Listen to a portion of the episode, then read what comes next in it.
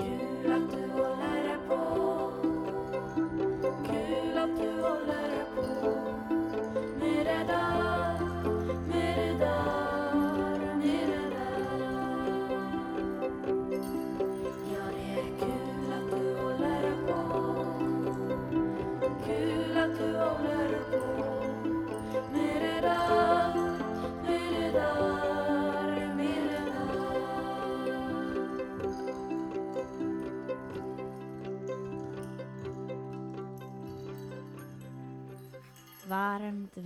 välkomna till avsnitt nummer fyra av podden Kul att du håller på. med Sara Parkman och Sibyl Attar. ja, det här är en sån trevlig coronatradition. Verkligen. Ja. Hej Sibyl, hur mår du?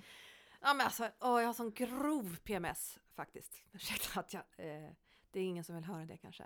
Det är jag mår- viktigt att lyfta fram kvinnors problem. Ja, Mens, det är menspodd. Ja, det är mens på, men det stora mensavsnittet. Nej, jag har inte mens. Jag har bara jättemycket PMS allting bara känns som att man har på sig en för liten tröja. Allt. Mm. Men eh, jag ska göra mitt bästa. Jag har faktiskt varit lite nervös inför att podda. För att man inte ska liksom vara som en sån lite jobbig liten hund. Men det finns plats för det, då kan jag vara din matte. Jag Ja. är ju liksom tvärtom, jag ju inte PMS och jag tycker solen skiner och livet är great. Ja men fy fan vad bra. Så, Det låter bra. Hur mår du då? Nej men det är Förutom det att du mår great och att solen Jag skiner. överdrev lite. Nej men det är bra, jag, jag cyklade, det är enda gången jag är i stan när jag cyklar hit. Mm. Eh, och det kändes lite som att det var Mose uttåg ur Egypten. Det är så mycket folk. Ja det är helt... Eh, Det, men det här, nu blir det en repeat på förra Ja. avsnittet. men, men också att jag känner att jag har glömt bort hur mycket jag ogillar konceptet stockholmare. Jag har ju bott här i tio år, men jag kommer aldrig bli en stockholmare. Jag tycker inte om stockholmare. Jag bor i Stockholm, men det är någonting med den här kollektiva kulturen som är så icke-kollektiv. Man cyklar, folk tittar i sina mobiler, de är inne i sitt och det är liksom Folk håller på med skojiga hattar och jonglerar och grejer och jag bara uh, Okej. blir folkskygg. Så känner jag. Ja, ja, ja. Eh, men det är härligt att cykla. Det är det verkligen. Ja, jag måste ju försvara stockholmarna lite då. Nej, men jag- jag, jag känner ju inte detsamma inför den, eller jag vet, jag vet, jag kan, jag kan typ inte sätta fingret på vad stockholmare är. Men det är ju inte skojiga Liksom- hattar och jonglörer. Det Nej, det var att- jättekonstigt Jag sagt, vet, det var jättekonstigt. Det var jätte... Nej men jag fattar vad du menar. Eh, jag stör mig kanske mer på medelklassen då och där finns ju en hel Ja. del här i Jag Stockholms cyklade ju igenom Vinterviken och Aspudden. Det Ja. är ju på något sätt eh, den eh, 80-talistgenerationens medelklassmecka. Mm. Alltså jag tänker att det är de mekanismerna som skapar den här uh, situationen som du beskriver. Jag vet inte om det kanske är geografiskt uh, kopplat automatiskt, men Mm. så var det sagt. Ho- horder av folk som har det ganska bra. Ja, men, ja, men exakt, där tycker jag. Jag har och också som lite inte problem med bryr hårdra sig folk om som har det sin ganska bra. omvärld. Kanske det är det som eh, bottnar i. Ja men man, det som vi båda har gemensamt är väl att man liksom gillar solidaritet och försöker utöva den så gott det går. Det är svårt men ibland. eh, det lyckas man inte heller alltid med, sa den som skaver. Du, Ja. vi, det är underbart att folk hör av sig med så fin respons på podden. Ja. Och förra veckan så fick vi en fråga på Twitter som jag tänkte vi skulle som inleda det här med. Nu ska jag bara Mm. hiva fram den. Nej men det är faktiskt väldigt mysigt och roligt att det är så många som lyssnar. Det Ja, kul. det är kul att ni lyssnar. Ja, det är det faktiskt. Så här skriver Petra K. Mm. Att Petra kontrabas. Hur vet den om det är värt att fortsätta? Jag har gått musikgymnasium och ska till hösten börja mitt andra år på Folkis. Ska en fortsätta med musik? Hur vet den om att det är rätt? När är en en värdig musiker? Får alla som håller på med musik kalla sig musiker? Många frågor i ett, men ganska Mm. viktiga, relaterbara frågor. Ja, Ja, men jag kan ju relatera för att eh, jag har ju ungefär gjort samma väg. Alltså efter jag gick musikgymnasium så gick jag folkis, musiklinje och sen Mm. gick jag en till folkis och sen så hade ett års paus och sen gick jag musikhögskolan. Så jag har gjort den där klassiska svenska modellen av hur man blir en eh, skolad musiker. ja, Och jag tyckte ju att det var... Jag minns i gymnasiet så hade vi en, en lärarkandidat som sa alltså om ni inte kommer på någonting annat i ert liv än att just vara, bli just musiker så det är då ni ska bli musiker, annars är det inte värt för det är så slitsamt. Och jag bara, alltså jag vet jättemånga saker jag kan tänka mig att bli. Mm. Sjuksyster, journalist, mm. vad, whatever. Men så fortsatte jag spela för jag tyckte det var väldigt lustfullt och kul. Och sen tog jag ett pa- en paus ett år. Och det var väldigt bra, för då längtade jag så jävla Hur gammal var du mycket. då? då? Jag var 21. Eh, men det, ju, men det finns ju en sanning i så att det, du kommer ju ha ett, ett ganska kämpigt arbetsliv gentemot många andra yrkeskarriärer man väljer. Jag jag kan ju se på andra jämnåriga med mig som valde något annat, som har gjort det i tio år, och jävlar vad mycket mer lön och eh, ett mer normalt vanligt liv de har. Men jag ångrar inte en sekund att jag ändå valde att bli musiker. Jag är magkänsla va? Ja. Ja, men jag tycker att din eh, lärare gav ett ganska bra tips. För Jo. min del, liksom, som inte har gått den där vägen alls. Alltså jag tror för min del så har det väl varit bara att man gör det man kan, Ja. typ. Det är ganska förenklat men jag tror att eh, din lärare hade rätt. Jag tror ju Och huruvida det. man får kalla sig musiker eller inte, för, för att bara flytta till den, så tänker jag att det är väl ungefär, eh, det är ju ganska sekundärt, när man kommer på det första, när man hittat sitt egna svar på den första frågan, så kanske det, det kommer, då kommer man hitta fram till den lösningen också på något sätt. Det är som att den första frågans svar kommer svara på den andra frågan i längden, tror jag. varför man håller på. Ja, varför man håller på, för det måste man ju, du sa att det var många frågor, men alla de här frågorna är ju typ en och samma svar på Mm. något sätt. Mm. Vi, pratade ju, vi har ju pratat en hel del eh, med varandra om det här med att kalla sig musiker och sånt. Mm. Eh, också för att vi har sån himla olik bakgrund. Jag är ju då liksom en slags autodidakt, alltså självlärd. Jag kan spela lite på de flesta instrumenten. Jag kan typ lösa det Mm. med de flesta instrumenten. För att jag inte bryr mig så mycket om regler typ. Mm. Men jag kan inte ställa mig som du kan med din fiol till exempel och liksom skina som en stjärna med mitt instrument. Det är ju 10 000 övningstimmar va? Ja, men så är det ju. Men det är Mm. inte som att jag inte har övat, jag har bara övat på jättemånga olika saker samtidigt. Ja, du har, jag har haft ett så här laminatgolv på musikskola du har varit i en replokal. Ja, Men, vi har gjort våra verkligen. 10 000 timmar. Absolut. Och både, jag skulle verkligen utan liksom att tveka idag säga att, att både du och jag har kvalificerat stenhårt lik, precis lika mycket som musiker och utövare. Oh ja. Och det, men det hade jag nog inte kunnat känna för tio år sedan. Och jag vet inte fan om man ska känna sig så självsäker när man är 20. Nej, Helt ärligt. jag tror att du säger något Alltså- väldigt bra. För att när man är 20 så är man i process. Man är Ja. ju inte färdig. Och någon som är 20 som har det självförtroendet, Nej, det är inte så, det är inte I så don't know, sexigt. man, Du känner- alltså- eh, också så, I don't know man. det är också det det är.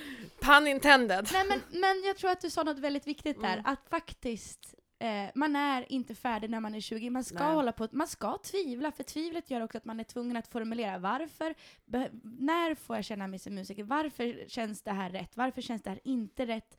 Och att hålla på och utforska, det kanske inte är musiker man ska bli, men det behöver man inte veta när man är 20. Nej. Och det är ju inte så slöseri med tid och pengar om en tar ett till år på folkhögskola, därför att en har all tid i världen sen och eh, jobbar med någonting annat. Och den erfarenheten och kunskapen och kanske vänskapen när man får av det, den har man med sig ingenting livet är ut. onödigt på något sätt. Det är väl i och för sig kanske inte riktigt sant. Det handlar också om privilegier, något som vi återkommer till ganska mycket i den här podden. Alltså om man har utrymme att testa så mycket för att man kanske har bättre hemma eller bättre ekonomiskt ställt, ett Men bättre alltså, går man boende och sånt. Om man har gått folkhögskola på en liten ort så får man ju studiestöd som oftast liksom täcker hela avgiften. Oftast ingår också mat. Alltså eh, när du säger studiestöd, då menar du bidraget, inte Eh, lånet? Ja, alltså bidrag och lån och lån ja, jo men jag menar Ja. det, med lån. måste man ju betala tillbaka. Nej men Mm. också att lånen tar slut. Alltså, Men, här är viktigt. Om man går folkhögskola så är det en annan kvot. Det går inte på högskolekvoten, så det är faktiskt, det tar inte, ja men det tar ju slut om man går tusen år på folkhögskola, men du har två år som är öronmärkta för att gå folkhögskola och sen har eh, de men det kvalar väl in som eftergymnasial utbildning? Ja, men det är fortfarande inte från samma pott som högskolepengarna. Nej men, nej men precis, men som jag till exempel eh, gick ju konstskola i typ fyra år och sen har jag inget kvar att ta lån eller stöd för eftergymnasial utbildning och jag har ingen gymnasiekompetens så jag kan inte komma till högskolan om jag skulle vilja Ja, så just att det. det, det finns visst en preskriptionstid, att det finns visst, man kan visst tömma ut ett konto. Jag, jag håller inte riktigt med där eftersom att jag själv har varit i den, eller är där nu. Jag kan inte, jag pluggade lite komvux nyligen för att tömma ut de sista typ, men jag är inte ens i närheten av en på pappret gymnasiekompetens. Nej, ändå, då har man ju lite eftersläp på det sättet. Ja, för det är inte alla som har gått klart gymnasiet. Nej. Alltså det var det som jag lite Ja, grann menar nej, men med då att man, man- vad man har för eh, yttre omständigheter som gör att man klarar av att plugga. Mm. För att det kan vara lätt att glömma bort att, eh, att, att ha en miljö överhuvudtaget där man tillåts att i lugn och ro plugga, en trygg plats. Mm. Det har inte alla. Nej, verkligen inte ens. Vilket också blir tydligt nu när folk inte kan gå till skolan. Ja. Jag tänker att vi lämnar. Den här frågan kommer också vara väldigt närvarande av och till i podden. När, när är en en musiker? För det är på något sätt också en... Det är en, en av livets stora frågor skulle jag säga. Eh, och en av livets stora självklara frågor. Mm.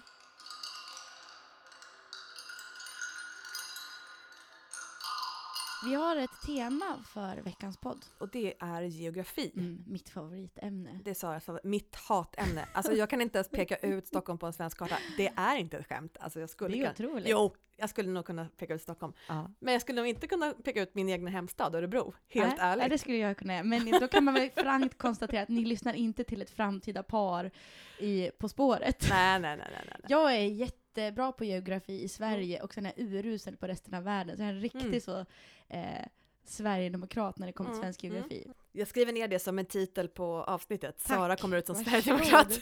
Sexigt. ja. Eh, nej men jag tycker att det är en himla viktig eh, del, eh, geografi. Jag tycker att det är skitintressant ur så många aspekter, både ekonomi, eh, men också att det är en så stor del av att vara musiker. För oftast är det till exempel på turné, så många musiker har ju bättre koll på svensk geografi för att man i alla fall har varit på platser. Mm. Eh, ganska ofta när jag möter nya människor så frågar de var jag kommer ifrån, säger jag Härnösand. Så bara, Mm. hmm, var ligger det? Jag behöver alltid beskriva så här, just det, det är fem mil norr om Sundsvall. Ah, Sundsvall är i Norrland. Ah, ja, men det är Mm. Mm. eh, 45 mil norr om Stockholm. Mm. Min hemort är alltid i relation till en annan plats. Mm. Den existerar inte i sin eget. Och Nej, det är väldigt... Och eh, så här, geografi ur ett historiskt perspektiv är jätteintressant. Men eh, Men måste bara slänga in en brasklapp när man turnerar. Det är inte som att man känner att man har varit. Man kanske känner igen ganska många vägkrogar, men som för Mm. mig är det ju inte så att jag typ, ja, jag har spelat i Norrköping tusen gånger, men jag, ja, Norrköping var ett ganska dåligt exempel, men ja, bara någon annan stad. Det är inte som att man riktigt känner att man har varit där kanske. nej, det beror ju lite Jag har spelat på... i London jättemånga gånger, men Det beror ju lite på hur man turnerar. För det tycker jag är olika. När jag, när jag London var turnerar- också jättedåligt, för jag har bott i London. Jag vet inte vad, alltså jag är så konstig idag. Ja, förlåt. Ja, men jag, jag tänker när jag turnerar med min egen musik på, på, med band, så där, då tycker jag att jag får en sämre relation till platser jag kommer till, eller inte lika mycket bekant. Men som när man till exempel turnerar med Riksteatern, då möter man ju Mm. alltid en förening som oftast är pensionerade tanter som har bakat en lokal specialitet. Mm. Och så har, eftersom det är här, ganska lyxigt att turnera med Riksteatern så har man kanske en vilodag, man har liksom lite mer tid för det är mer resurser. Och då tycker jag att man hinner, man hinner promenera, man hinner det liksom käka, man hinner träffa folk och så här. Eh, men ja, jag har ju förberett ett litet, eh, en liten spaning här då, Mm. utifrån geografi. Som eh, kommer handla mycket om kulturskolor Mm. och geografin i Sverige. För först då kommer det ett eh, tips vad man kan streama på SVT Play. Det var en serie som kom i höstas som heter Det svenska popundret. Mm. Som jag tyckte var jättebra folkbildning. Tyckte inte du det? Nej, det var skitångest. Ah. Men jag såg typ bara några avsnitt. Jag, jag gick inte igång. Nej, men jag tyckte det var, jag gillade det att det var folkbildande, att det var så allt från Men jag såg typ de sista avsnitten, då var det så himla mycket fokus på typ Spotify och då kände jag så här, gud vad deppigt att det här är där vi är nu. Men, men det, ja, precis, jag såg ju hela serien när jag hade, var hemma hade influensa i januari. Mm. och Pre-corona. pre-corona. Och, men det var bra för den gick igenom, liksom, den går igenom den svenska popmusiken under 1900-talet och förklarar lite varför det har blivit en sån internationell succé. Mm. Och väldigt mycket den här ekonomiska historien är det på samma gång. För det är också parallellt en berättelse om den svenska välfärden skulle man kunna Mm. säga. Mm. Och det är ju sorgligt hur de sista avsnitten landar i Mm. Spotify, liksom låtskrivarkillar med. Mm. jättemycket pengar och Mm. Aviciis självmord. Mm. Eh, men avsnitt gud, vad fyra, dark. Åh. Mm, det är mörkt. Eh, men avsnitt fyra då, som är mitten av serien, heter Generation Blockflöjt. Okej. Och i det avsnittet så ritar de upp en stor Sverigekarta och så ställer de sig frågan så här, hur kommer det sig att så många eh, popband från små orter i Sverige under 90-talet gör internationell succé och så pekar de ut Fagersta med The Hives, Mm. Växjö med The Cardigans, Wannadies från Skellefteå och så fortsätter de sådär och så går de ju tillbaka och undrar så här, hur kom det sig, hur den här exporten, Jo, den svenska kulturskolan. Ja, och på tal om typ låtskrivarpersoner. Jag vet ju att Max Martin har ju pratat svinmycket om den svenska kulturskolan och verkligen varit liksom eh, en ivrare. Kulturskolan är verkligen en grundläggande del i den svenska infrastrukturen. Och eh, jag är ju jätteintresserad av så här stad och landfrågor. Det är ju jättemånga som tror att jag liksom bor någonstans på landsbygden. Det gör jag inte. Jag bor i Stockholm och har bott här i tio år. Men jag tycker de här frågorna är så intressanta för det handlar ju också om så här förutsättningar för att hålla på.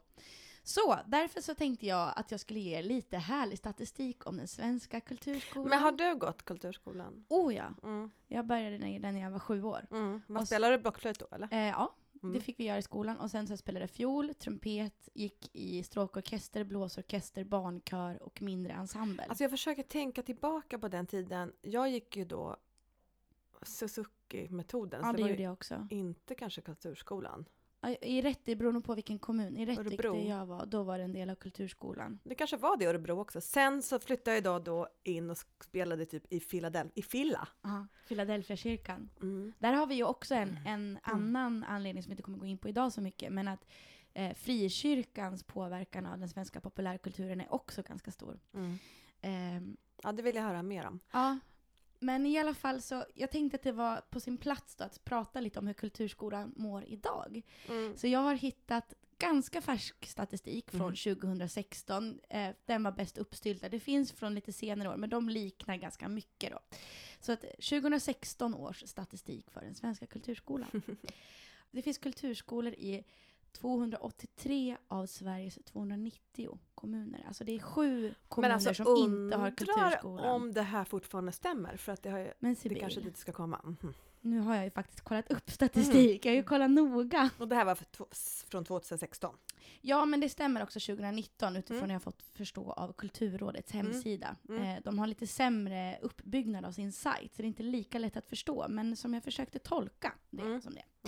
Och då är det alltså Sorsele, Storfors, Surahammar, Torsås, Överkalix och Vilhelmina som inte har kulturskolor. Okej. Eh, man kan se att det finns eh, 230 000 elevplatser. Det kostar 2,3 miljarder per år. Eh, och eh, man kan också se då att det är fler flickor som är med i verksamheten än pojkar.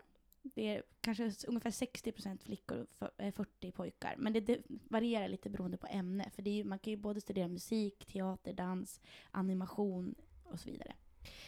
Eh, om man kollar på klass så kan man se att det är ju barn med föräldrar som har en akademisk bakgrund är överrepresenterade inom kulturskolan.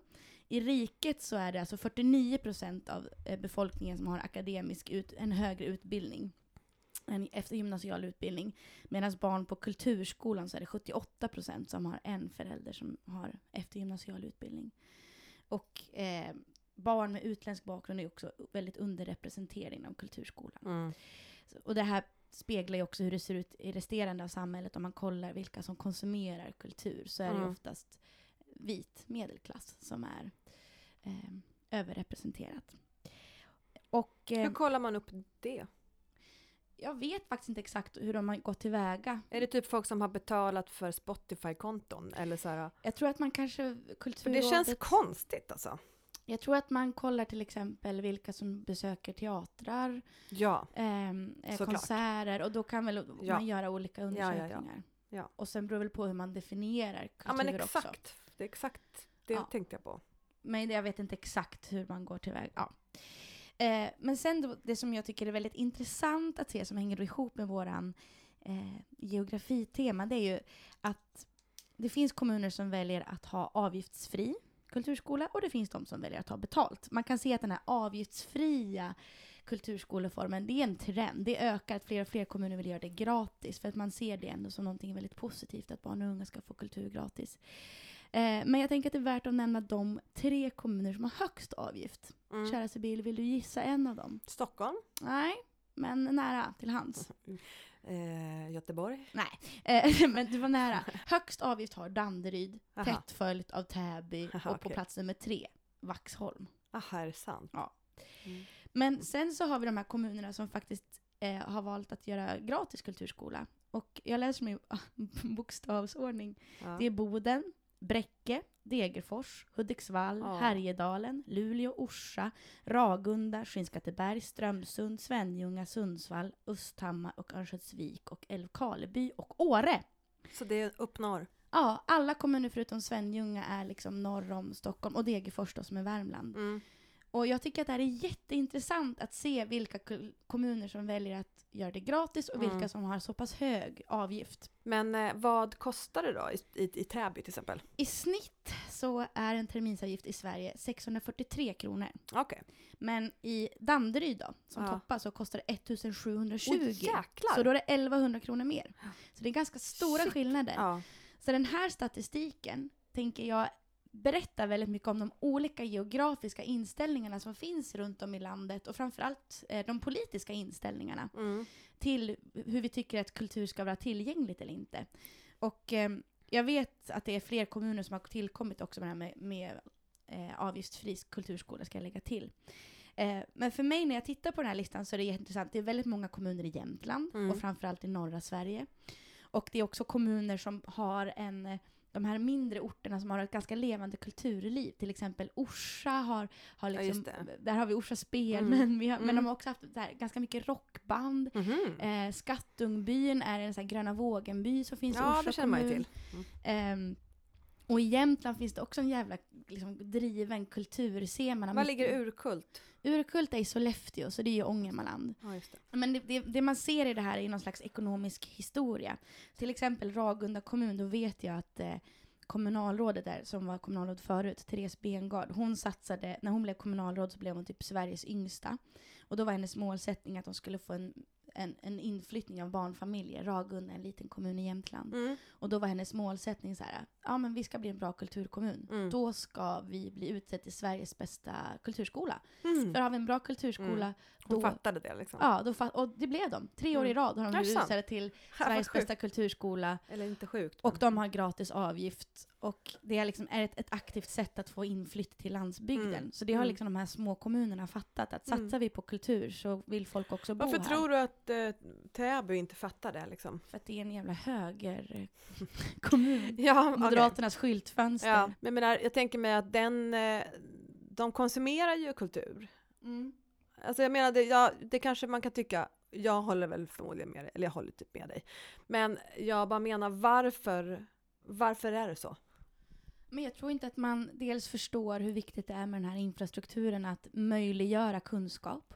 Att i en sån plats där det är så, så pass dyrt, då kommer de barnen som kommer börja spela är de som har föräldrar som är intresserade på ett eller annat sätt. Mm. Eh, är det gratis och alla barn som vill spela får tillgång till, eh, till en musikskola som det då är i Bräcke, det- stod på deras hemsida, alla, nej Ragunda, Mm. alla som vill börja på vår kulturskola får plats. Mm. Då är det ju mycket öppnare dörrar, Mm. då får man ju mycket större sökunderlag, då är det Mm. många fler som... Men det handlar ju om hur man ser på samhället. Det är en Mm. höger eller vänstersyn, Mm. tänker jag. Men jag tycker också det är intressant för man kan se de här olika klustren av orter runt om i landet vad de också har presenterat för typer av musiker. Och ett ganska tydligt exempel på det är ju så här, Härnösand där jag kommer ifrån, det är en gammal tjänstemannastad. Där jobbar alla inom, har jobbat inom statliga institutioner.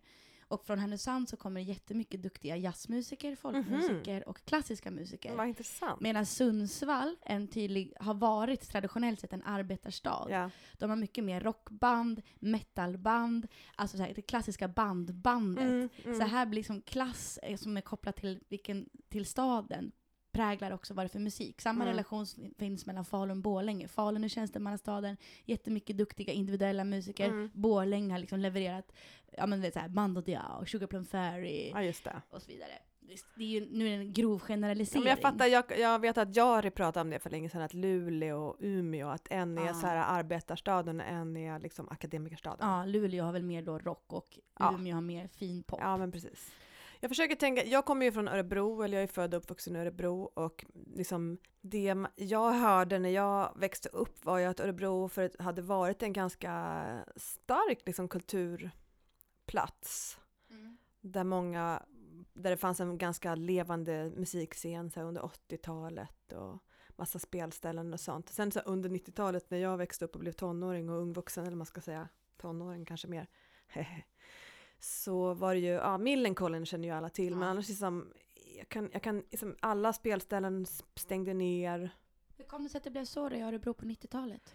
Alltså som jag, jag, jag har ingen, var inte politiskt intresserad på det sättet då överhuvudtaget. Jag hade ingen liksom, eller jag hade inte ens den tempen ute, jag var helt i en annan värld. Så jag kan inte säga det utifrån mitt egna perspektiv, men andra jag pratat med var ju att det bytte från röd till blå. Men jag, men jag, jag kan inte, jag har ingen källa på det eller, utan det är som jag har hört folk Mm. säga, så jag kan, inte, jag kan inte sitta och säga det stenhårt. Men, men det väl, låter väl ganska logiskt, vad jag vet. Jag ju- menar, det vi gjorde var ju att supa i skogen eller på olika offentliga toaletter vid Järntorget. Alltså det fanns ingenting att göra riktigt. Ja, men Örebro är en otroligt vacker stad för pensionärer kanske. Alltså nu tror jag nog att det är rätt, nu har det nog förändrats en hel del. Delvis har ju universitetet blivit mycket eh, större där tror jag. Men det är ändå känt när man är ute och Jag har aldrig spelat i Örebro. Nej, och det sjuka är att jag har aldrig spelat i Örebro heller. Nej. Och då är vi... Fast jag ändå har spelat i, alltså varit aktiv musiker i 21 år. Ja men jag, detsamma. Jag har också spelat så mycket och jag spelar på Mm. liksom varenda jävla kommun Mm, känns det som. Jag har mm. spelat i, i alla fall i tror jag 42 av Norrlands 52 kommuner. Eh, Kanske jag sa fel siffra nu. Men jag har Mhm, spelat på mm. jättemånga platser men aldrig i Örebro. Det är tomt i mitt huvud, jag kan inte ta in en enda siffra till. Men eh, all, om det är någon örebroare som lyssnar, jag har sett här i vår statistik att det finns, eh, det, vi har lyssnare i Örebro, så att örebroare, det här är till, jag riktar mig till er, berätta om liksom kulturlivet i Örebro nu. Varför spelar vi inte i Örebro? Jag vet att det finns en klubb där just nu som heter Satin tror jag, där Mm. folk drar och, nej, heter den det? Det är en gammal klubb. Jag vet inte, jag skulle vilja höra. Men det är också intressant så här, höger, vänster, röd, blå skalan på kulturpolitik. Nu är ju inte heller högern och det blåa känt för att ha alstrat så mycket politik, eh, kultur. Det är ju oftast ganska skralt när de ska skramla upp. Det är Wille Crawford. Ja, du menar bland populärkultur? Ja, fast det är väl, jag menar tillbaka i tiden när det gäller typ måleri kanske. Alltså jag menar, jag, det är inte så, jag, jag vill inte förenkla så hårt faktiskt. Nej. Det vill jag inte göra. Men eh, jag förstår vad du menar. Men man kan säga en skillnad är väl liksom, alltså arbetarrörelsen har ju traditionellt sett arbetat väldigt mycket med kultur som ett deltagande moment. Alltså Mm. till exempel i Ådalen, där i Kramfors kommun, så hade man ju, fanns det ju blåsorkestrar i varenda sågverksby. Mm. Det fanns dragspelsföreningar, det fanns körer. Så det var en jätteaktiv del i att liksom skapa en medveten arbetarklass för att liksom frigöra arbetarklassen. Så var kulturen, man hade liksom studiecirklar i att läsa Kant Mm. eh, vid gruvorna i Bergslagen. Mm. Alltså, det, där har man ju väldigt, man har också jobbat upp de här infrastrukturen för att sprida kultur eh, på amatörnivå som kanske inte eh, företagen alltid har varit intresserade av på samma sätt. Ja, absolut. Det, Och- det vet jag ingenting om. Men jag, jag, bara, jag bara vill verkligen opponera mig mot att så här, det inte kommer bra kultur från någon annan klass än vänster. Det, det håller inte jag Nu är ju med inte vänstern en klass. Nej, jag menar eh, arbetarklassen. Ja. Det, det håller jag inte alls med om. Men eh, jag har inget jättebra exempel just nu. Men, Nej, nej, men, det, alltså, det känns ju inte alls bra i magen för mig att backa upp det. Men jag förstår hur du menar. Men, men jag, det var nog inte riktigt heller då kanske det är definitionen av kultur och typ ku- kultur, användningsområdet för kultur. Alltså varför man eh, gör saker. Det du beskrev, det, fyllde ju, det du just beskrev, Mm. fyllde ju en slags medmänsklig funktion Mm. och också skapade en slags solidariskt sammanhang Mm. för människor. För att, att spela tillsammans till exempel eller att typ vara delaktig i någon teaterpjäs, då, då är man ju med andra, man Mm. måste ju samarbeta. Så här. Det är Mm. en mer slags kollektivt kulturutövande. Ja, Medan alltså, det jag, kanske är ensammare, jag vet inte.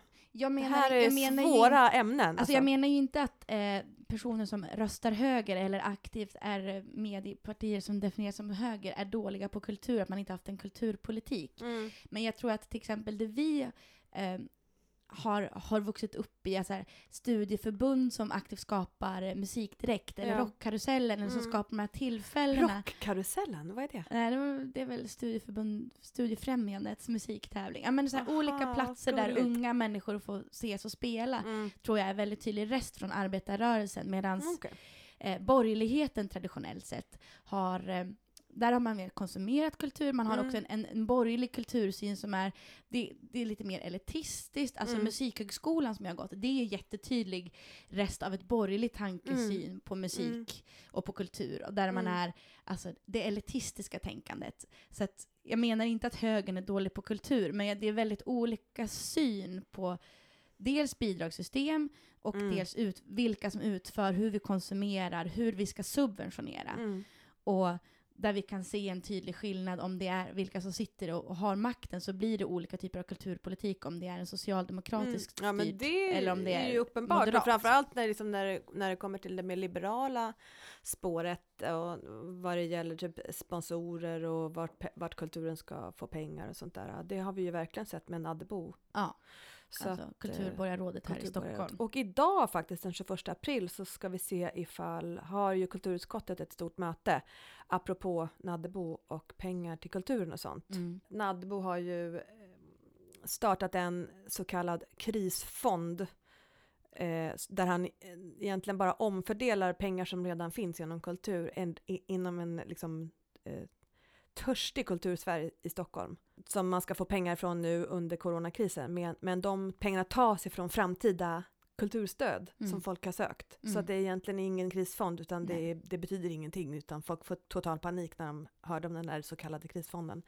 Och idag så ska de spika den, idag har de möte på kulturutskottet. Det här är också spännande. intressant, för att ta tillbaka det till geografi. För mm. att Stockholm är ju inte känt för att ha en, en kulturpolitik som gynnar kulturutövare. Det är ganska kämpigt, det är höga hyror, Mm. vi har sett den här klubbdöden. Och ändå bor alla här. Ja, och frågan är hur länge kommer det kunna fortsätta vara Ja. så? För om man fortsätter driva en typ av kulturpolitik som, som inte gynnar den som inte redan är etablerad, som inte möjliggör för billiga kontrakt som har en plats där man kan hålla på och experimentera och labba och göra crazy things, då kommer Stockholm bli en ganska ointressant plats. Eh, och, Stock- och så är det ju också att städer runt om i, väst, i den västerländska världen så är det ju ett, en hipp grej att ha ett rikt kulturliv. Berlin är ju Berlin därför Ja. att det finns massa Ja. tokiga konstnärer som gör saker. Det är det Mm. som är hela deras varumärke.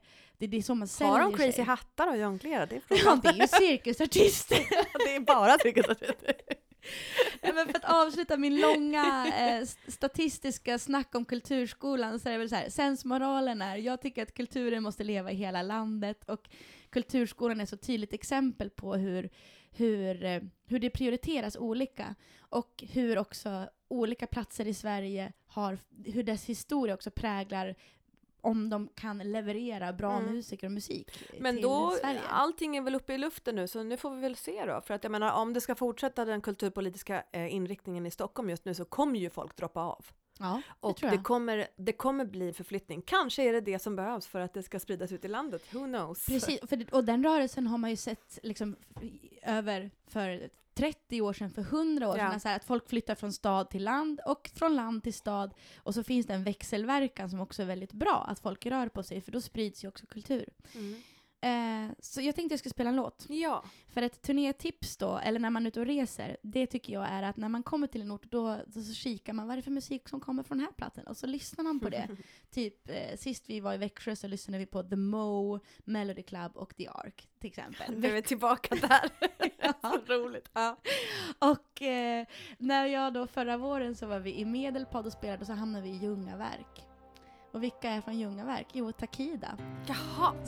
Så jag vill spela Curly Sue. Oh my god. Ja, jag är ledsen Sibyl. Ah! Eller jag är jätteglad för jag, jag tycker Nej men här... obs, jag måste bara säga, jag, jag koketterar, det är ju min typ hatmusik, men Mm. alltså trevligare människor går ju inte att hitta. Nej, och det finns liksom...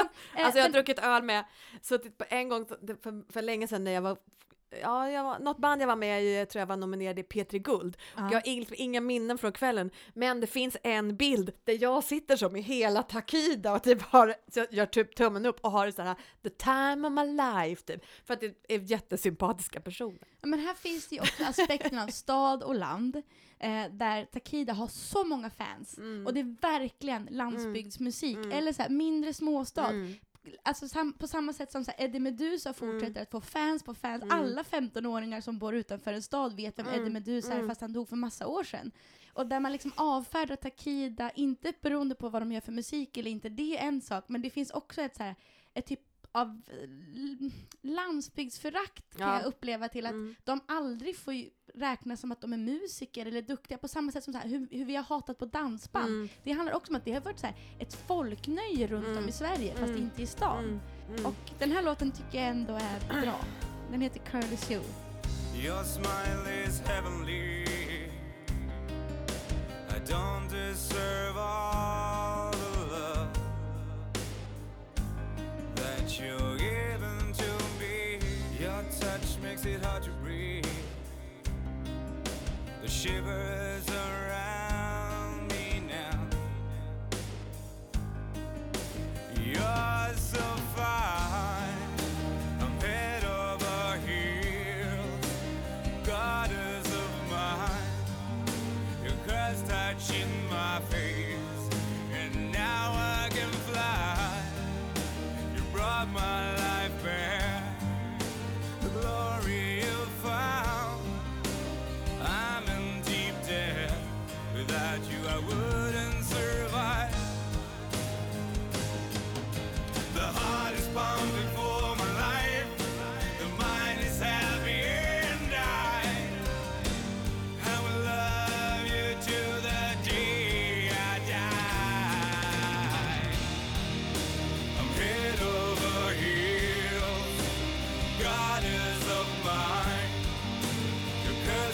watching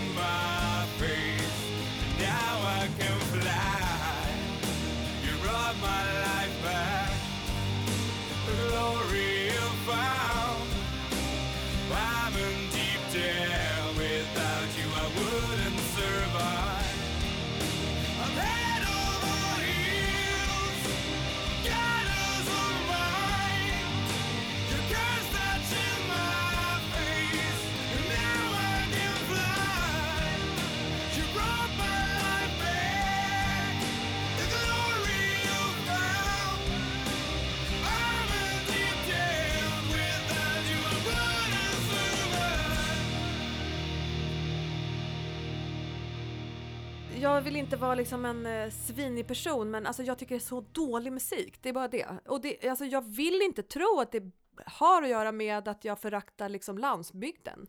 Det tror inte jag Utan att det, det, är har. bara verkligen det längst bort ifrån min preferens som man kan komma typ tror jag. Jag tror att jag tycker, det här är ju inte det jag sitter hemma och lyssnar på, men jag tycker om det för det också påminner mig om min bror. Ja. För han lyssnar ganska mycket på den här typen av rock. Mm. Det här är liksom, det här är för mig jeans, snus, kött och potatis, Mm. keps, kille, rock. Mm. Och det lyssnar min bror på. Och jag har åkt många mil i bil med honom och lyssnat på det här någonstans i Västernorrland. Mm. Men det är också någonting med att den här musiken är, här, man är så tydligt en, en hantverkare, alltså det, det här är så här knegarrock. Mm. Ehm, Mm. Ja, Ja, jag fattar vad du menar. är ju- Arbetar liksom, ja jag fattar vad du menar. jag hade även en teori i gymnasiet att eh, jag trodde de hette Takida, för det var så här, det västernorrländska uttalet, för man säger så här Anita, Carolina, Takida. Helena, Ja, Takida. Så att det egentligen var Takida. Exakt. det är liksom det västernorrländska uttalet på ett japanskt namn blir Takida. Takida. Så jag, jag ringde och frågade om det var så, men det var inte det. Nej, vadå, vem ringde du och frågade? Eh, Robert, jag gjorde mitt eh, examensarbete i gymnasiet, gjorde jag ett radioprogram som heter Hur låter den västernorrländska musiken? Jaha, Och så fint. försökte jag Går det att lyssna på någonstans? Tipsa? Nej, det gör det inte. Nej, Det var ju mitt okej. specialarbete. Mm. Mm. Geografi och musik.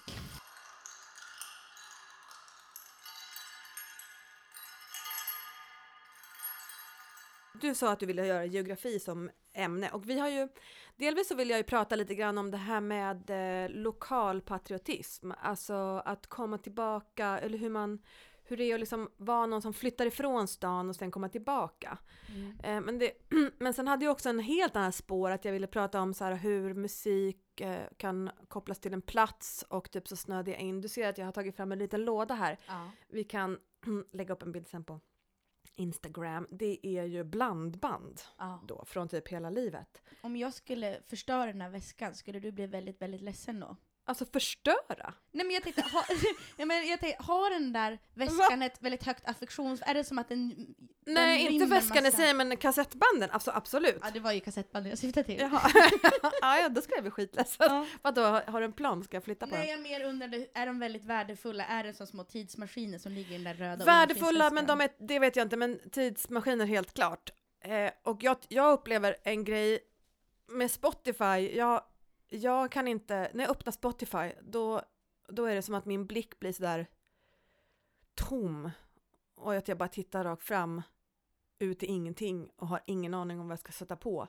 Mm, För att det är för mycket. mm. Jag kan inte så komma på en låt jag vill sätta på på Spotify. Och då går du inte till så här uh, Chili Friday. Nej, för att men, liksom, jag hatar eh, algoritmerna. Alltså jag hatar dem, Ja eh, jag hatar dem så intensivt så att liksom, det är nästan på gränsen.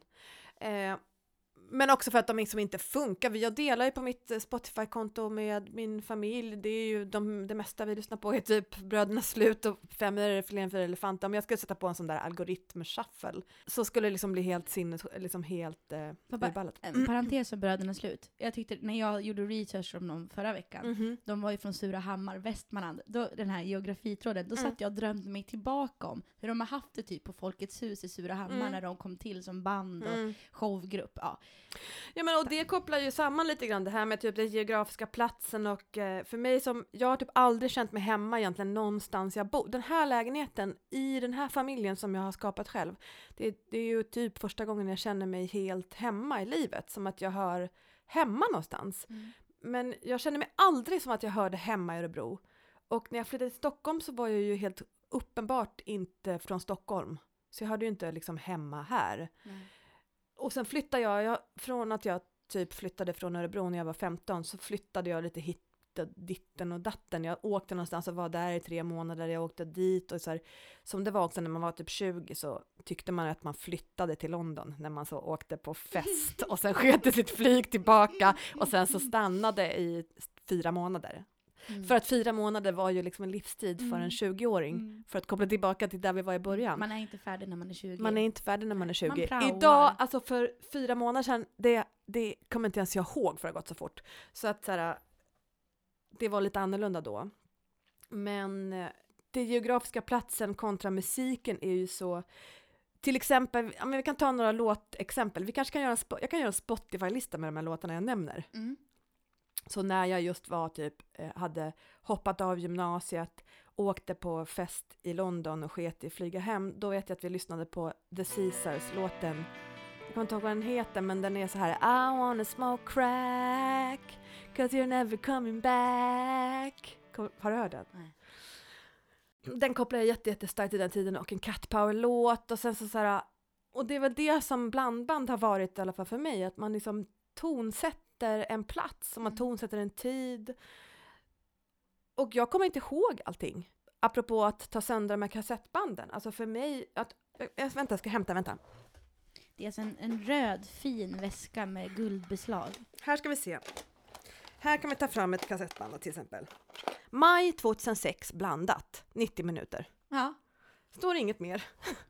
Vad, vad är på det här kassettbandet? Jag har ingen aning och jag skulle aldrig kunna komma ihåg vad jag lyssnade på maj 2006. Nej. Men här har vi det. Mm. Det är ändå liksom, förstår du vilken skatt det är? Det är en skatt. Men jag, jag gör ju sådana spellistor till mig själv motsvarande maj 2006 fast på Spotify som Ja. heter vår 20. Någon god emoji. Ja. Eh, och så lägger jag in när jag lyssnar på låtar som jag tycker om. Så, att, så jag har ju i alla fall det sedan tio år tillbaka. Det här är roligt. Festival 2000. Den skulle man vilja sätta på nu. Ja.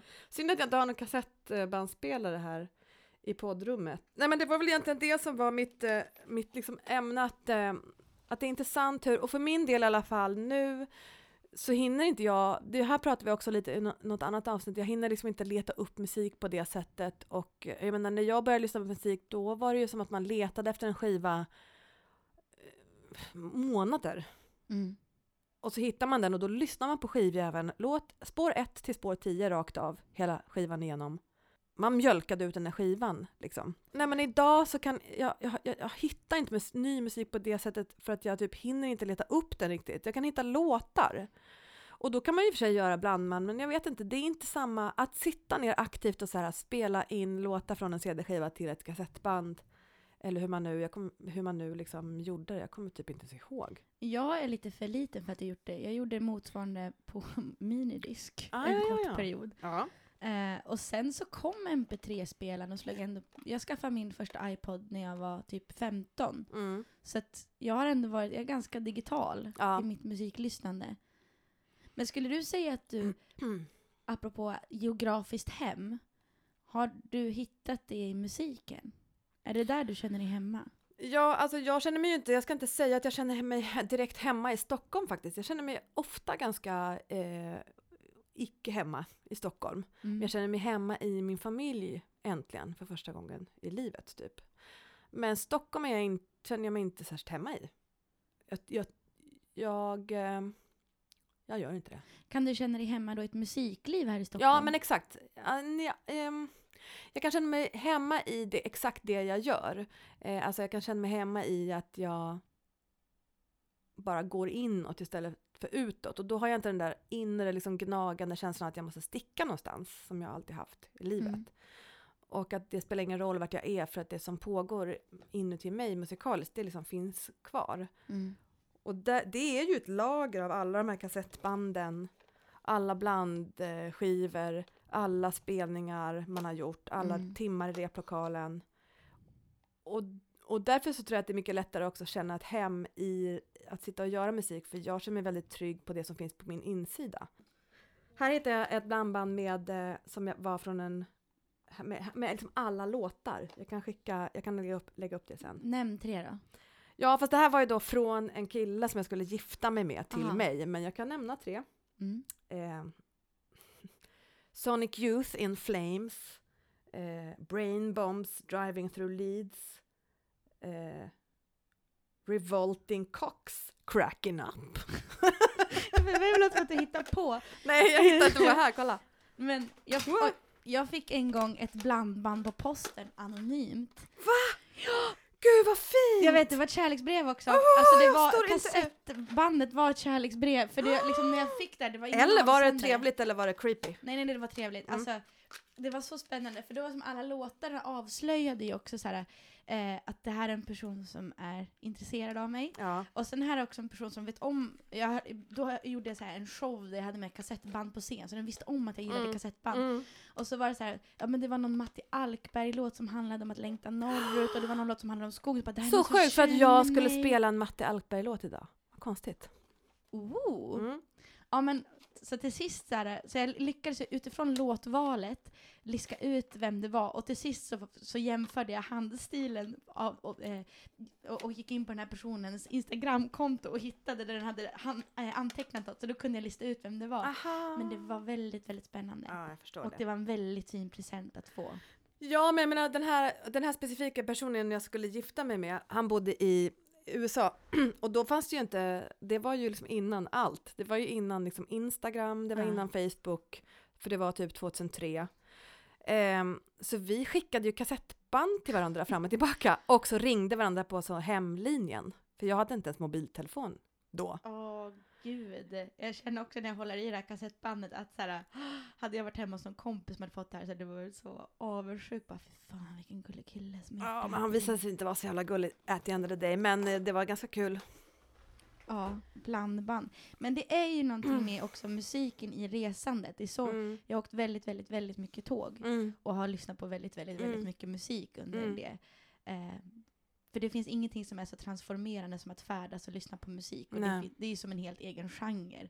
Vilken musik man lyssnar på när man kör bil. Alltså köra bil i skogen och lyssna på musik. Det, Mm. oh, det är Mm. liksom, Mm. det är nog mitt bästa. Mm. Att lyssna på så här riktigt bra ballader på en grusväg i stjärnhimmel. Mm. Fy fan vad fint.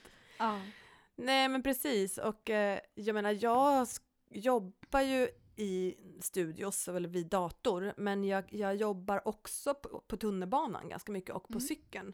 Alltså jag kan sitta och jobba en hel dag med en produktion men jag kan inte höra ett jävla skit. Sen stänger jag ner datorn, sparar det på mitt moln och sen så går jag ut Mm. och hoppar på cykeln och så lyssnar jag på det jag har Mm. gjort under dagen typ 35 gånger och då kan jag plötsligt typ kategorisera ut exakt vad som behövs göras Mm. fast jag suttit kanske i fyra timmar framför datorn och bara vad är det som är fel? Vad Mm. är det som stör mig? Vad är det som, inte, som gör så att det här inte blir klara ljud eller liksom Men det är ju någonting med att vara i rörelse som, Mm. som får en också att förstå saker. För, och det var det som jag tyckte, det, det var nog mitt, det här med coronan, som jag tyckte det var, har, hittills faktiskt har varit det som har varit jobbigast och som har gjort mig personligen mest ledsen. Det var när jag insåg att jag får inte resa. Ehm, för att jag har, sen jag var 15 så har jag varit iväg och spelat och varit på turné. Eh, och mestadels bara i Sverige. Men det har gjort att jag, eftersom jag har gjort det i 15 år, så har jag ju vänner runt om i hela Sverige. Jag skulle eh, i påsk, eller i påskas farit upp till Jokkmokk och hälsat på vänner som jag har lärt känna när jag varit och spelat. Så att var, var jag än är i Sverige så är det alltid någon jag är bekant med, eller en kusin som kommer och lyssnar. för att Och apropå att knyta tillbaka till det här med vad hem är. För mig har hem blivit att vara på resande fot. Stockholm är min bas. Men jag har hem på så många andra platser därför Mm. att jag har också nära vänner som har tillkommit under mitt musicerande på turné. Men du har ju också lite grann tidigare pratat om Ångermanland, alltså Mm. att eh, också liksom familjen är så, känner sig så geografiskt anknuten till den platt, eller till, det, till den platsen. Kan du känna båda två? Ja, absolut. För att, att jag känner mig, att jag trivs att bo i Stockholm hänger ihop med att jag också får vara iväg och spela och komma till olika platser. Jag får Mm. komma till Malmö och hänga där, jag får komma till Mm. Jokkmokk, jag får komma till Umeå, Östersund, vars det nu än må vara. Men jag har också mitt hem här. Mm. Och så var det också när jag växte upp att vi har varit knutna till Västernorrland. Men vi flyttade ju runt istället mycket. Jag bodde ju på i tre orter under min uppväxttid. Och pappa har likaså flyttat runt. Ja. Så det har varit så en typ av mobilitet fast man är, man är kopplad till några platser men, men har också familj och vänner Mm. eh, på ganska stora ytor. Eh, så den, och det här fattade jag så tydligt när jag plötsligt här, jag får inte resa. Just Så det. kände jag mig väldigt halv. Ja. ja, Ehm, jag fattar att det var jobbigt. Ja. Ja, det är ju fördelen med att bara vara helt, in, känna sig helt jävla identitetslös. Det spelar ingen roll för mig. Sibyl, du är ju inte identitetslös. Nej, jag, jag vet att jag inte är identitetslös, men jag har inte den där eh, grundade känslan av att jag hör hit. Nej. Skulle du vilja ha det? Eh, För det finns ju också någonting som är skönt att du är ju också friare på ett sätt. Alltså jag tror kanske inte att jag skulle vilja ha det eftersom att jag inte har sökt upp det ordentligt, men det har ju inte heller varit någonting som jag har eh, Alltså ja, jag skulle ju men jag känner att, eller jag är trygg idag. Men jag har Mm. inte varit det under näst, majoriteten av mitt liv. Och det hade jag önskat att jag hade varit, jag hade fått jättemycket mer gjort. Och jag tänker att den där tryggheten för mig har varit kopplad till liksom att ha lugn och ro på ett ställe. Och det kanske är geografiskt eller så kanske det är liksom bland människor men, men att det ändå, en, ändå har med någon slags geografisk plats att göra. Mm. Antingen med andra människor på en geografisk plats eller att det är på en aktivt geografisk plats. Liksom. Jo, man, man blir ju till som människa genom att tillhöra. Att jag är så här, är jag i Västernorrland eller Mm. Ångermanland så Mm. är jag ju väldigt mycket min familj. Jag så här, ja du är Sara Parkman, ja just det, men då har ju Mm. din farfar begravt och din pappa Mm. och din mamma. Ja. Mm. Då, då är man automatiskt en del av ett nätverk som jag inte själv har skapat utan det, den är där. Nej, men sen tror jag att om man har det i sin grund och botten så kanske det också är lättare att bygga nya nätverk. Så att jag kan tycka att det är tråkigt att jag inte har det i min grund. För jag tycker att det, det har vi pratat om lite tidigare, att jag typ, tycker att det är så svårt typ att få nya kompisar eller typ att vara i Mm. sammanhang. Jag tycker inte att det är så lätt att vara i sammanhang. Ja just det, det är intressant. Jag Ja. tror att jag är svår att ha att göra med i sammanhang och jag har, jag har svårt att ha att göra med mig själv i vissa sammanhang. Alltså Ja. förstår du vad jag menar? Att liksom, det, det är inte, det känns inte helt naturligt. Ja, för jag kategoriserar allt i familj. Alltså Mm. inte biologisk familj, men så här, hur hänger du ihop? Och så, och så ser jag också i sociala sammanhang. Just det, ni är, då kommer man tillbaka till de här klustren från Mm. olika platser i Sverige. Så här, just det, ni är ju Bollnäsgänget Mm. och den är ju ihop med den. Ja, ah, ni gick i samma klass på gymnasiet. Ja, ah, Mm. ni är Örebro. Mm. Då fattar jag det här hänger samman, för ni lärde Mm. känna varandra på det här Mm. sättet. Och så, så här, gör jag som en inre karta över hur alla människor hänger ihop. Som ett stort nätverk. Och så förstår jag liksom världen. Mm. Men, men, jo, men man kan ju höra till ett sammanhang utan att känna att man hör till ett sammanhang. Ja, jag, Alltså skulle ju, ganska lätt. jag, jag Du kategoriserar... kategoriserar säkert mig, ja precis. Ja, jättetydligt i så här vilka olika typer av kluster och som jag också har betraktat dig utifrån. Ja. Som väldigt, i mitt huvud är ganska tydligt ett Stockholms popvärld, en popscen och man Mm. gästar olika Mm. som jag aldrig har varit en del av. Jag har bara, bara Mm. sett och läst om i så här tidningar och sånt där. Men det jag skulle säga att jag, jag kan känna i, jag är väldigt tacksam över att komma från en trygg familjebakgrund etc. Mm. Och jag känner mig väldigt, väldigt stolt apropå också patriotismen, att säga, ja, men jag är verkligen en produkt av en västernorrländsk kulturpolitik Mm. på Mm. många sätt. Såhär, Mm. Ett barn av Västernorrlands musik. Mm. Eh, men jag kan också ibland önska att jag kunde vara mer fri, för att jag har ju alltid tänkt att jag skulle flytta hem. Det är som en evig fråga också, när Mm. flyttar du hem Sara? Men du är en svikare. Jag tror inte att man är fri hur man än vänder och vrider på det. Nej. För att, alltså, jag, menar, jag skulle gärna flytta från Stockholm till exempel. Det kommer ju inte hända inom en närmare framtid. Eh, Nej. alltså, det är inte heller frihet. Jag tror att man, man definierar om frihet liksom. Man måste lära sig att definiera om frihet hela tiden. Om man vänder på steken är det ju en frihet att alltid ha någonting att gå tillbaks till. Såklart. exempel. Alltså det är ju bara en, en definitionsfråga. Och det tänkte jag på lite förut när vi var inne på det här med högerkultur och Mm. sånt. Alltså att, precis, du var inne och nosade lite grann på det. Men hur man definierar kultur och vad Mm. som räknas som kvalitativ kultur. Och Det Mm. var vi också inne på när vi pratade om Takida. Mm. Eh, Och den här typen av elitism och, och allt som är okej. Och för att jag menar, det finns ju också lägen där man är så här, som du ställde en fråga till mig två poddar bak, eller vad det var. När du frågade så här, ska all musik, Musik. få finnas? Mm. Alltså det finns ju, någon gång måste man ju börja värdera Mm. och sätta gränser liksom. Mm. Ja, nu, nu flummar jag totalt ur. Ja, men det jag, tänk, jag tror i alla fall att det, för att knyta ihop säcken med geografi så tror jag att det är ju där jag är väldigt ofta ändå och funderar på så här, vart, ska jag, vart i världen ska jag vara? Mm. Eh, för jag, och att jag upplever också att det är en fråga som väldigt många som till exempel inte kommer från Stockholm men bor här funderar på. Och i relation till, jag fick väldigt mycket när jag växte upp, ett musikliv i Härnösand, men nu är jag här.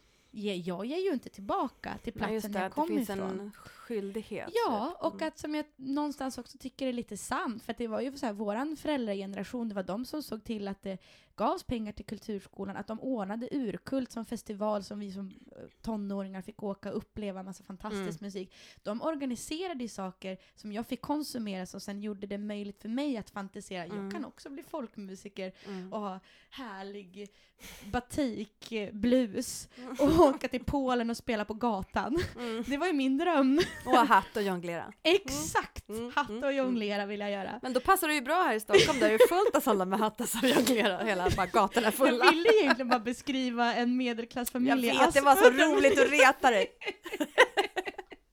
Det Ja. kan du ta, eller hur?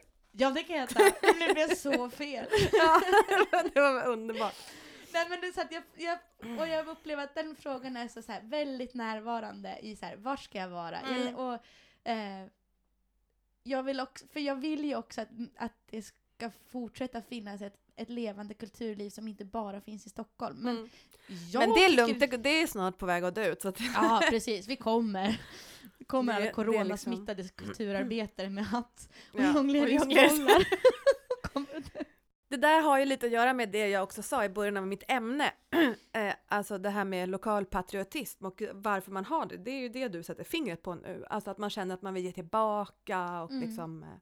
Men hur, hur har det varit för dig att liksom komma tillbaka till Härnösand? Blir du liksom mottagen som the lost son eller blir det så här svikan?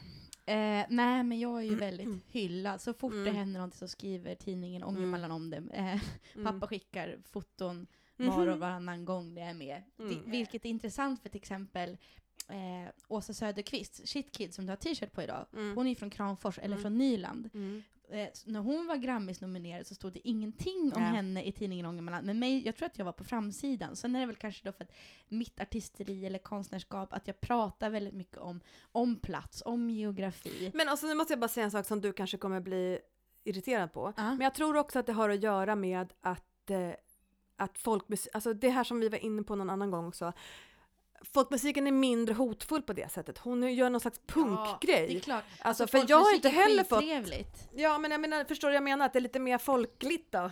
Eller liksom, Ja, det tror jag. Och, att jag, och så här, det, det jag har hållit på med, det, det har man ju också en annan publik, det är en äldre Mm. publik. mm, Och folkmusiken i sig är också jätte, jätte, jätte platsbundet. Så jag har ju spelat låtar från Ångermanland, Mm. jag har suttit på arkivet på Västernorrlands Mm. mu- länsmuseum och grävt fram gamla låtar. Sådär. Eh, men jag får verkligen vara, eh, komma hem och eh, bli, eh, de blir väldigt glada. jag är så besviken på, på Örebro alltså. Ja, för de har inte hyllat dig. Nej, inte alls, men, nu- men nu är det länge sedan jag var i sammanhang där jag liksom var Grammis-nominerad och sånt. Men jag tror inte att det stod... Ja, det är möjligt att när jag var Grammis-nominerad att det var en notis i Närkes Allehanda att, att det stod att jag stod som ett namn bland liksom sex andra namn. Ja. Men det har aldrig varit så här Örebro-barnet. Aldrig, aldrig. Men jag menar, det kanske jag får kanske vad jag förtjänar, för jag har inte haft den här jättestarka kärleken till Örebro. Som, som jag sa tidigare också har jag också känt ett så här jätte, all, inte känt mig hemma och liksom inte känt att jag passat in och eh, känt mig ganska alienerad där. Så jag kanske får liksom det jag förtjänar. Men det kanske också är något med Örebro för att eh, jag är ju med och driver Ställbergs gruva som ligger då i norra delen av Örebro län. Mm. Eh, så så när, när Vesper blev Grammis-nominerad, Mm. då fick jag vara med i Nerikes Allehanda. Eh, för att jag då är en Nu del av blir jag Ställbergs gruva. rasande! Och då har jag ju gjort den här skivan tillsammans med Hampus Norén som Ja. är ur-örebroare. Ja. Men det stod inte omnämnt alls, så jag räknas ju mer som Örebro läns person eh, och blir omskriven i Nerikes Jag Allehanda. undrar vad det beror på faktiskt. Men jag, eh, jag, vet, jag kanske är så jävla helylle-trevlig, eller? Du är väldigt helylle trevlig. Jag är lite svårare att älska Ah, som person. Nej, jag är bra på att prata med tanter. Ja, men du kan statistik och sånt där. Nej, jag skämtar. Det är ju mer sån riktigt gubbigt drag ja, hos men, mig. ja, det kanske är det som, det kanske är gubbarna som, nej men jag vet inte, jag tror väl att vi kan väl vara equally liksom lovable. Jag vet inte, jag, jag, bara, jag undrar vad det beror på. Nu, nu riktar jag mig till örebroarna igen här nu då. Nu Mm. får ni svara mig. Varför hatar Örebro mig? Men jag säger så här då. Varför är Örebro och Västerås som är Sveriges femte respektive sjätte största stad, ja Linköping är väl med där också tävlar. Ja. Varför är det relativt ganska tråkiga städer? Varför Men jag tror inte att Örebro Örebro är så tråkigt längre. Jag tror att det har hänt mycket grejer med universitetet. Men det är det Förlåt. vi inte vet. Det är därför ni ska höra av er till oss. Ja, men samtidigt också så här, om man då jämför Örebro och Västerås, som Mm. har så pass många människor som bor Mm. där, med mindre orter som till exempel Östersund, Mm. eller Umeå, eller Växjö, Mm. som har levererat så mycket mer intressant musik, som, man, ja, som har gjort mer för svensk populärkultur etc.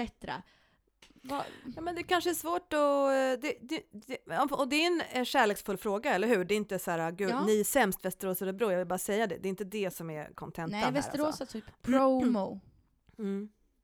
Stopp. Örebro har Millencolin. och Lolita Pop. Men hörni, jag skulle vilja knyta ihop säcken här då, genom att eh, bara spela en låt som har funnits på blandband, på mina blandband. Och som också får eh, represent... Eller som skulle ha funnits på mina blandband för att jag hade nog slutat spela in blandband när den släpptes. Som får representera också min, min PMS-känsla idag. Eh, det är Matti Alkberg, Skända flaggan. Älskar Matti Alkberg. Där! Åh, det är så fint med Matti Alkberg. Han bor kvar i Mm. Luleå. Han håller den norrbottniska flaggan väldigt högt. Men han skände den. Nu kommer låten. Det är bra. Prinsen är barnslig, han tror han är fri Att landet är vårat.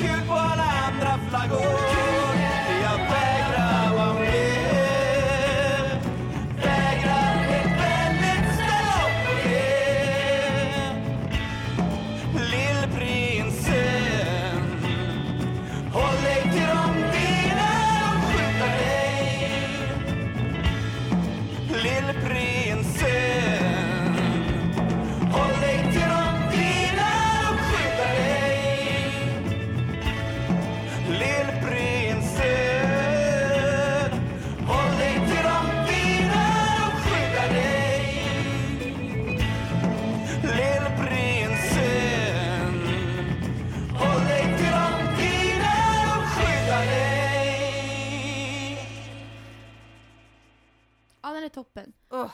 Och eh, när jag spelade i Luleå i höstas, väldigt eh, trevligt. Då Mm. var Matti Alkberg i publiken. Mm. Det tycker jag också är så himla trevligt när musiker går på andra musikers gig. Ja, men det håller jag med om. Ja. Det gillar jag med. Men hörni, eh, jag vill bara berätta att eh, vi får ju lite frågor ibland angående typ om man kan stödja oss på något sätt. Och vi har ju pratat lite om sponsorer och sånt där tidigare och det är fan knepigt. Det är en, eh, Ja, Det är inte som att vi har ansträngt oss för att hitta någon. Nej, men jag menar, det är också svårt att tänka typ hur man ska tänka. Så det, nu har vi i alla fall, börjar vi sätta igång någon slags Patreon-konto. det är Ja. inte riktigt klart än, men under veckan kommer det komma upp lite information. Och det vi egentligen behöver, eh, eller det vi egentligen tänker att vi kommer använda det till en början beroende på, det är väl att betala STIM-licensen så att vi inte spelar musik eh, i podden så, utan att de som har upphovspersonerna har fått betalt och en IFPI-licens som vi vill skaffa också sen. Nu har vi gjort så att vi för, för, försöker fråga om man får spela låtar och sånt. Men det skulle ju vara härligt att bara göra allt eh, helt eh, Lagligt. perfekt. Och Sen, skulle så, det också bekosta Saras tid vid Google. Alltså, Sara behöver ju googla mer statistik. Alltså det är Ja, men- en timlön som man gärna vill jag ha. kan behöva en bärs eller två typ varannan vecka i alla fall eller något sånt. Så att, ja. Ja men det, det blir våra Patreons, Nej, men vi- Patreons är att aktivt säga kul att ni håller på. Ja, och vi, jag menar, man, man gör, vi, vi börjar där så ser vi vart vi Mm. hamnar. Men så att håll ögonen öppna och ehm, Tack vi för är att ni så glada. lyssnar. Ja, verkligen. Vi, vi, är- det var, jag, jag, jag, vill prata om geografi för alltid. På spåret, om ni gör ett Sverige-tema någon gång så, så kan jag vara med. Sara ställ upp, jag kan vara med som den där, eh, jag kan ha rolig hatt och jonglera och vara Japp, tyst och jag bredvid. röstar på Komma från. Sverigedemokraterna 2020. Gör du? Skoja! Klipp! Hej då! Hej då!